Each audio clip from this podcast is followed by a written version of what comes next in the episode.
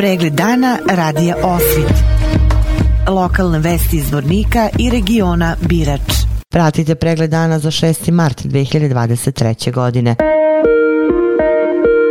Grad Zvornik je za školsku 2022-2023. godinu odobrio stipendije za 228 studenta. Stipendiju u iznosu od 1000 konvertibilnih maraka, koja će biti isplaćivana u 10 mesečnih rata, dobit će 133 visokoškolca, čiji je prosek ocena preko 8,5, kao i 25 brucoša koji su nosioci Vukove diplome, 10 studenta master studija sa prosekom ocena većim od 9 i 9 studenta sa smetnjama u razvoju. Stipendija u iznosu od 500 konvertibilnih konvertibilnih maraka, odobrene za 17 visokoškolaca iz kategorije porodica sa troje i više dece, te za šest iz porodica ratnih vojnih invalida. Na konačnoj listi je 18 studenta iz kategorije slabog materijalnog stanja, a visina stipendije je 300 konvertibilnih maraka. Za još 10 studenta odobrena je stipendija po odluci gradonačelnika. Konačne rang liste za studentske stipendije objavljene su danas na oglasnoj tabli i zvaničnoj internet stranici grada Zvornika.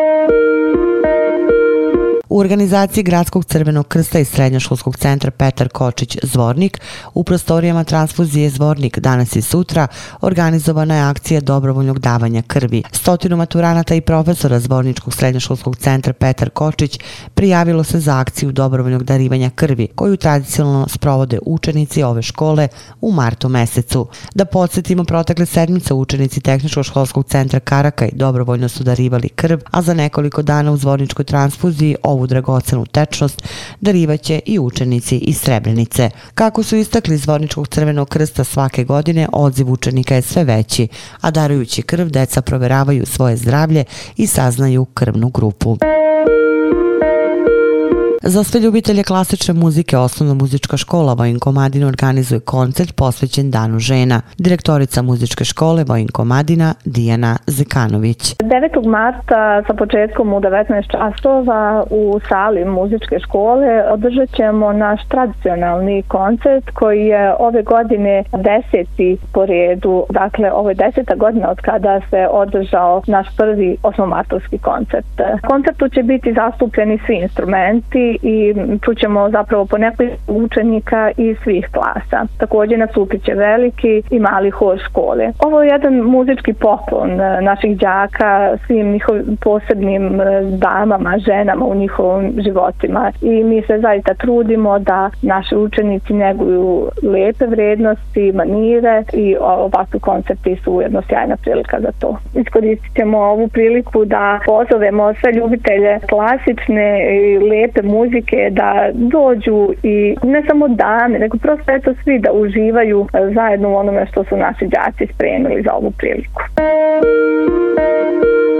Opština Vlasenica u saradnji sa javnim komunalnim preduzećem Vlasenica osnovaće higijeničarsku službu i prihvatilište za pse sa radom na području opštine. Na ovaj način dugoročno će biti rešen višegodišnji problem pasa lutalica. Prihvatilište je dužno da obezbedi veterinarsko zdravstvenu zaštitu životinja, dovoljnu količinu hrane i vode, dovoljno životnog prostora za svaku životinju, kao i da vodi evidenciju o svakoj zbrinutoj i udomljenoj životinji. Prihvatilište i higijeničarska služba finansiraće se iz budžeta opštine Vlasenica i komunalnog preduzeća.